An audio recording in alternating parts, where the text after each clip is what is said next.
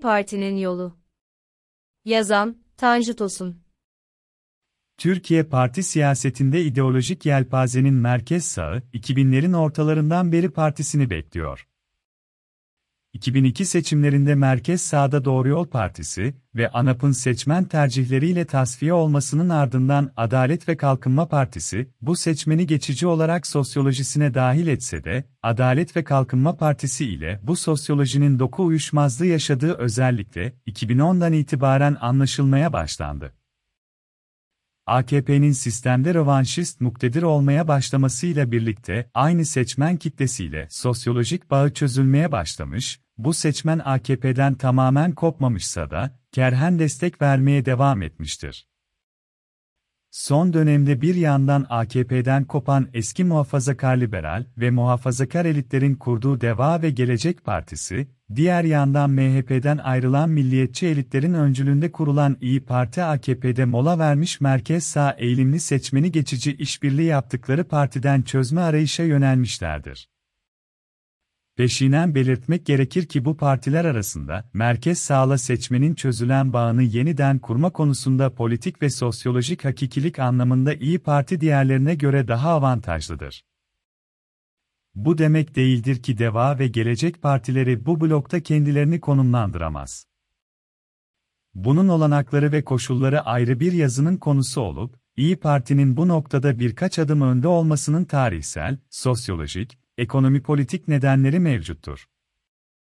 Türkiye'de toplum bugün siyasal ve kimlikler arası kutuplaşmanın yol açtığı yorgunluk ve bıkkınlıktan dolayı yeni bir arayış içindedir. Arayışın kanıtı kutuplaştırmanın failleri olan Adalet ve Kalkınma Partisi ve Milliyetçi Hareket Partisi oylarında gözlenen gerilemedir. Seçim haritasında üçlü kümelenmede somutlaşan siyasal tercihlerin değerler temelindeki zıtlık ve çatışmaları artık sürdürülemez niteliktedir ve toplum kutuplaşma eksenli siyasi, ideolojik kompartımanlarda yaşamak yerine, farklılıklarına saygı temelli, dışlayıcı değil, kapsayıcı bir siyaset tarzının inşa edeceği, yarının Türkiye'sinde, yaşama arayışındadır. O arayışın siyaset tarzı olarak karşılığı merkez siyaset, parti kimliklerinin ideolojik yelpazedeki karşılığı bağlamında ise merkez sağ ve merkez sol partilerdir. İyi Parti başlangıçtaki kökenine sarsılmaz bağlılıkla, referans aldığı değerleri estetize ederek ehlileştirme ve merkezde konumlanma ikilemini sosyolojisi genişledikçe aşmaya başlamıştır. Kanımızca bunun temel nedeni, İyi Parti'nin ancak merkez siyasetin değerlerini referans alarak büyüyeceğini, iktidar adayı olabileceğini fark etmesidir. Aksi takdirde uç otoriter milliyetçi sağda küçük parti olarak kalmaya mahkum olur, en fazla taraftarlarını kamuda istihdam etme işleviyle sınırlı bir parti şeklinde varlığını sürdürebilirdi. Akşener merkez sağda DYP'de politika yapmış olmanın ve milliyetçi tarihsel kökene yabancı olmamanın sağladığı avantajla yüzünü yeniden merkez sağ dönüp merkez sağ evrilmeyi tercih ederek, zor olanı, fakat aynı zamanda, değerli yenilenmeyi tercih etmiştir. Başlangıçta örgütsel yapı MHP'yi terk edenlerden müteşekkül, memnuniyetsiz MHP'lilerden oluşturulsa da, yükselen bir partiyi örgütsel anlamda dışa kapalı, saf bir ideolojik kimlikle sınırlı tutmak mümkün olmayacağı için, bir süre önce yönetim kademesinde yapılan değişimlerle bundan vazgeçildiği anlaşılıyor. Doğru da yapılmıştır. Çünkü, bir yanda hedeflenen dünyaya açık, liberal, merkezcil eğilimlere uzak durmayan, ılımlı milliyetçi, pragmatik modern dindar merkez sağ seçmen, diğer yanda dışa kapalı sert milliyetçiliği referans alan örgütsel yapı, teşkilatlarının genişleyebilmesinin, merkez sağ seçmenle organik ilişki kurabilmesinin önünde bir engeldi. Teşkilat yönetimini kontrol anlamında sınırlı yeniden yapılanma dahi önümüzdeki süreçte İyi Parti'nin teşkilatlar marifetiyle merkezcil eğilimli sağ seçmene ulaşmasına katkı yapabilir. Önümüzdeki postak döneminde özellikle merkez ve merkez sağda sıkı bir politik rekabet yaşanması kuvvetle muhtemeldir. Türkiye parti siyasetinde politik, ekonomik ve sosyolojik kırılma dönemlerine müteakip, İlk seçim yarışında rakipleri karşısında başarılı çıkan partiler merkez siyaseti benimsemiş ya da bu iddiadaki sağ partiler olmuştur. 1983'te ANAP, 1991'de Doğru Yol Partisi, 2002'de Adalet ve Kalkınma Partisi. Bu anlamda güçlü bir merkez sol karşısında, kırılma dönemlerinde sağın kazanan çizgisi merkez siyaset, partileri ise merkez sağ partilerdir.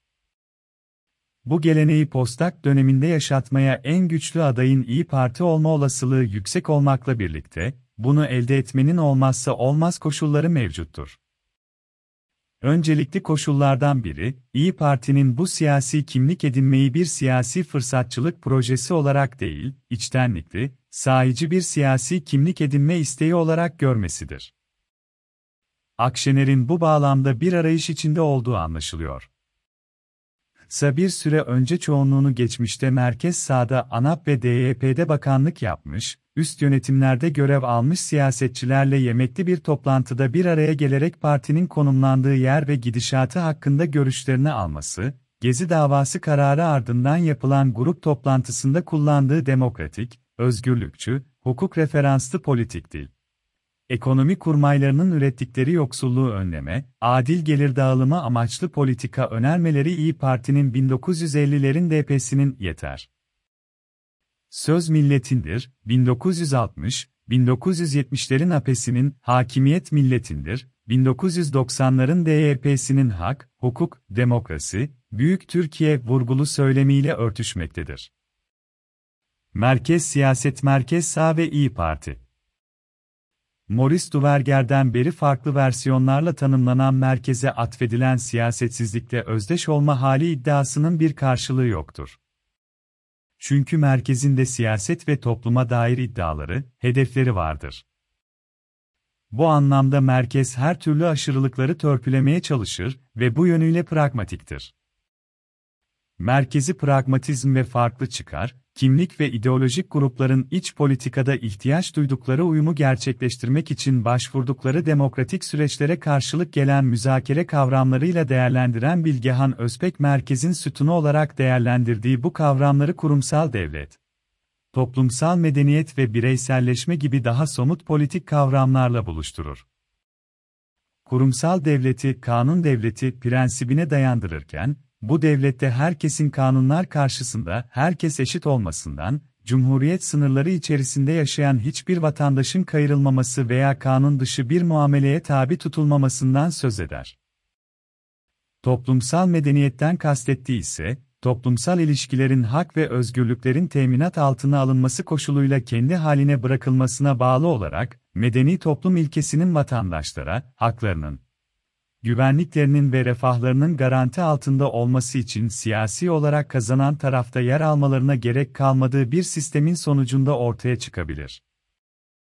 Üçüncü ilke olan bireyselleşmeyi ise her türlü kolektif birliktelikten, kimliksel, ideolojik cemaatler, bağımsız, onların etkisi altında kalmadan, bireyin kendi mütevazi faydasını düşünmesi, iktidara eklemlenecek bir kanal bulamamış ve kendi becerisi ve emeği sayesinde hayatta kalmayı başaran, politik bilinçleri ve kimliksel aidiyetlerinin yüksek olmadığı insan topluluğu ve buna özgü davranış kalıplarından bahseder. Sartori merkez partileri tanımlayan ilk siyaset bilimcidir. Duverger ise kavrama mesafeli yaklaşıp, aslında hiç kimsenin merkezde olamayacağını, ılımlıların da bir şekilde sağa ya da sola yöneleceğinden söz eder. Anthony Dons'a göre ise merkezin ideolojik nedenlerden dolayı değil, demokrasi teorisindeki rasyonel tercih temelli rolünden dolayı önemli bir kavram olduğundan bahseder.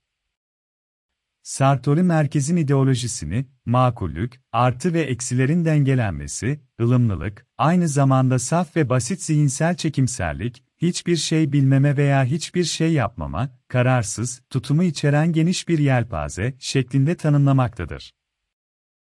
Barlow da Merkez Parti'yi, bir siyasi sistem içinde, kasıtlı olarak, temel ideolojik boyutun merkezinde yer alan ve bu konumu kendi kendini tanımlaması ve algılaması açısından önemli gören, bir siyasi aygıt olarak değerlendirir. Partilerin bu tanıma uygun, Merkez Parti olarak kabul edilebilmesi için, kendilerini topluma nasıl sundukları, partilerin toplum tarafından nasıl görüldükleri ve partilerin kendilerini nasıl gördükleri önemlidir. İdeolojik yelpazede merkezin hemen sağ yanında konumlanan merkez sağ partilerin ideolojik anlamda öne çıkan özellikleri ekonomiye devlet müdahalesine genel olarak eleştirel yaklaşmaları, desteklememeleri, geleneksel kültürel değerlerin desteklenmesi ve hukuk ile düzen vurgusu olup, bugün gelinen noktada sadece sağ parti aileleri içinde değil, ılımlı solda da partileri ideolojik, değerler bakımından ayırt etmek güçtür. Türkiye parti sisteminde partinin kendisini topluma sunma biçimi, partiyi toplumun ve partinin kendisini nasıl gördüğü şeklindeki ölçütler bağlamında bakıldığında ideolojik olarak programatik metinleri, lider ve elitlerinin söylemleri, politik değerleri, ideolojik referansları bağlamında merkez sağ olarak tanımlanmayı hak eden partiler arasında kitlesel destek anlamındaki iddiası bakımından iyi Parti öne çıkarken, DEVA, Gelecek ve DP'de ideolojik yelpazede konumlanma iddiaları bağlamında bu çizgi etrafında düşünebiliriz. Önümüzdeki süreçte bu partiler arasındaki sosyolojik tabanı genişletme rekabetinden başarılı çıkması için İyi Parti'nin atması gereken önemli adımlar vardır. İyi Parti'nin merkeze ulaşmayı hedeflemelidir.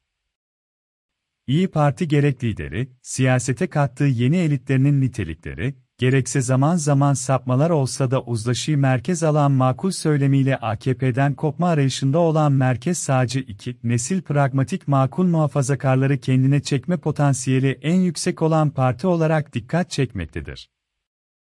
Kuruluşunun ilk yıllarındaki kimlik arayışı, partinin ideolojik yelpazede kendisini konumlandırmak istediği yer ve hedef seçmen sosyolojisi anlamında bir süre ikilem yaşamasına yol açsa da bunu aşma konusunda önemli mesafe kat etmiş görünüyor. Süreç içinde kök bağı değerlerini yok saymadan, fakat bu değerleri estetize ederek ılımlılaştırması, makul bir siyasal referans olarak kullanması iyi Parti'nin kitleselleşmesinin önünü açmaya başlamıştır. Bu anlamda İYİP'in tercih ettiği değerleri ılımlılaştırma stratejisi, bir merkez sağ parti olarak sistemde konumlanma arayışı karşılığını kademeli olarak bulmaktadır. Bir diğer husus sadece kendisinin makul merkeze yerleşme yolunda benimsediği değer, ilkeler ve siyaset tarzı değil, İyi Parti'ye halen uzak duran seçmeni dönüştürmese de değiştirerek kendi sosyolojisine nasıl katabileceğidir. Kamuoyu araştırma bulguları partinin kadınlar, gençler nezdinde yeteri ölçüde çekim merkezi olamadığına işaret etmektedir. Bu anlamda bu kitleden desteğini arttırması merkez sağda rakipsiz konuma gelebilmesi için zorunludur. Partinin üye sayısı kademeli olarak artmakla birlikte, kanımızca kitlesel bir merkez sağ için yeterli değildir.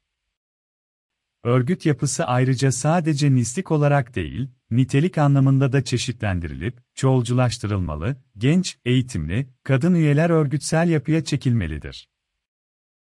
İyi Parti'nin ideolojik ve siyasi kimliğinde birlikte yaşam idealine dayalı merkez vurgusunun dün olduğundan daha fazla öne çıkarılması çok önemlidir.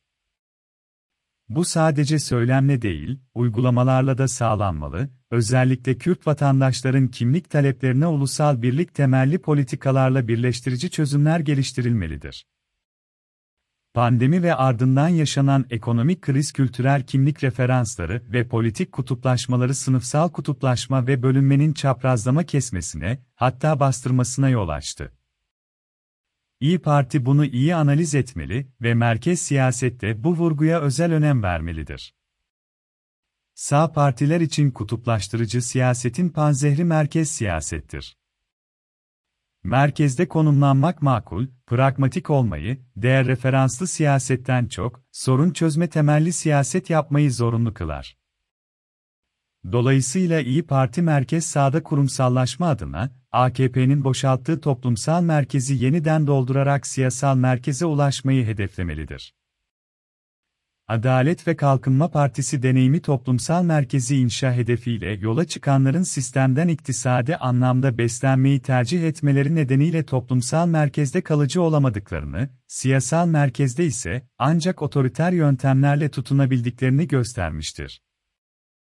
Merkez sağda kalıcı olabilmek ve toplumun makbul değerlerini merkezde konumlandırmak ise ancak makul siyaset ve tahayyülü ile mümkündür. İyi Parti makul siyasette geleneksel merkez sağın pragmatizmi ve sahiciliğiyle ilerlediği takdirde, merkez solda CHP ve diğer demokrat kimlikli sağ partilerle birlikte yarının Türkiye'sini kurma iddiasını sürdürebilir.